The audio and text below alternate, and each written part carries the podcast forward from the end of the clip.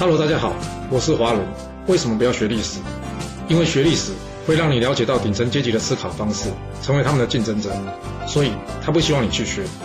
还有学历史会让你看到许多前人成功及失败的案例，你的竞争对手想要好好的睡个觉，所以他也不希望你去学。最重要的是，学历史会让你了解人性，你的老板以及同事都希望你保持天真的心，所以他们更不希望你去学。就是因为这些原因，接下来我要跟你说的是故事，而不是历史。今天的主题是啊，与敌人合作。我们刚刚在春秋第七十集的故事中有讲到，这晋国大臣魏将建议晋悼公啊，对于这些蠢蠢欲动的外族啊，与其出兵去攻打他们呢，还不如与其和解合作。这道理听起来很简单嘛，所谓多一个敌人不如多一个朋友嘛。但是。为什么当时晋国这么多优秀的人才，大家却想不到这个答案呢？难道真的是非我族类，其心必异？对于跟我不同卦的或是不同一群的人呢，没有什么好谈的，只有一个字：打。真的是这样吗？要是这个观念是对的，那汉奸、内奸这个名词怎么来的呢？难道他们不是自己人吗？那为什么大家想到的都是打呢？我猜是因为什么？审视。这父母为什么用体罚代替沟通来管教小孩啊？老板为什么用处罚代替鼓励来管理员工啊？其实大多是出于同一个心理啊，那就是这样做比较快，也就是说什么比较省事啊。我们不能断然的说啊，这种方法不好或是无效。要是真的无效，就不会有这么多的人一直使用它，不是吗？不过虽然有效，而且多数人也常常去使用，但是有效真的就是好方法吗？讲个故事给你听吧。我国中的时候呢，趁着这个暑假。我跟我同学啊一起去一家印刷电路板的电子公司打工。有一天，这主管说：“哎，你们两个小朋友啊，现在正在进货，这些东西太重，你搬不动。你们两个呢，先去把这个地板呢好好的洗一洗，记得啊，好好洗，洗干净，知道吗？”于是，我跟我这同学啊开始拼命的刷地。哇，这地板呢黑黑的，不知道沾到了什么东西。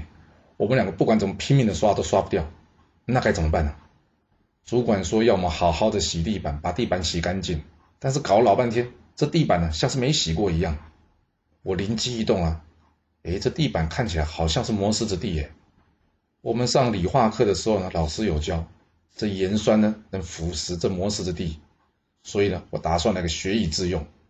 我们呢跑去找我同学哥哥，他哥哥所在的部门呢，正好是在做腐蚀印刷电路板的。我记得他之前跟我说过，要腐蚀印刷电路板要用到强酸，所以呢。我们就跑去问他哥哥有没有盐酸这个东西啊？哎，运气不错哦，他有高浓度的盐酸。我们跟他要了一点点之后，然后小心翼翼的加在水中。不过先打个岔，我这个做法呢绝对是错的啦，尤其是这个强酸呢，具有可怕的腐蚀性呢，小朋友千万不要去碰啊，不然这一不小心啊，可能连身体都被烧伤或者融化了。那我们接着说吧，我拿着这个沾了盐酸的水呢，在地上拖啊拖，你猜怎么样？哇，这地板马上冒出白烟，而且呢很臭。可是呢，马上就变得非常洁白了。这主管呢，原先是给我们两个小时去打扫的，结果我们呢花不到三十分钟就搞定了。接下来呢，啊，我们两个当时好好休息一下，再回去跟他报告了。有没有很省事、很便利？但是换来是什么？就是地板呢，像是被刮了一层皮，上面出现了很多小细孔，将来要清洁这地板，恐怕会更加困难了。我想说的是啊，这方法有效，但是真的是好方法吗？从短期来看是，但是长期却造成了更大的损害，不是吗？把对手当做敌人，这合作就非常难进行。但是要是你把对手都当成竞争对手呢，那相对起来，心理上就比较能接受与他们合作的可能了。你可以跟 A 合作，然后完成对 B 的竞争，也可以随时倒过来跟 B 合作。转过来对 A 竞争，目的是怎么样？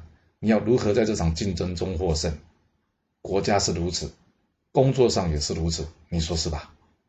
若是您有其他想法，也欢迎留言分享你的看法给大家哦。好啦，我们今天先说到这。如果你就是不听我的劝，想知道完整版的故事内容，你可以从说明栏找到我爱故事频道的连结。不过记住哦。你是来听故事的，而不是来学历史的。要是您喜欢这个频道，麻烦您动动您的手指，追踪、留言，或是给我五星评价的支持以及分享。谢谢您来收听，我们下次再见。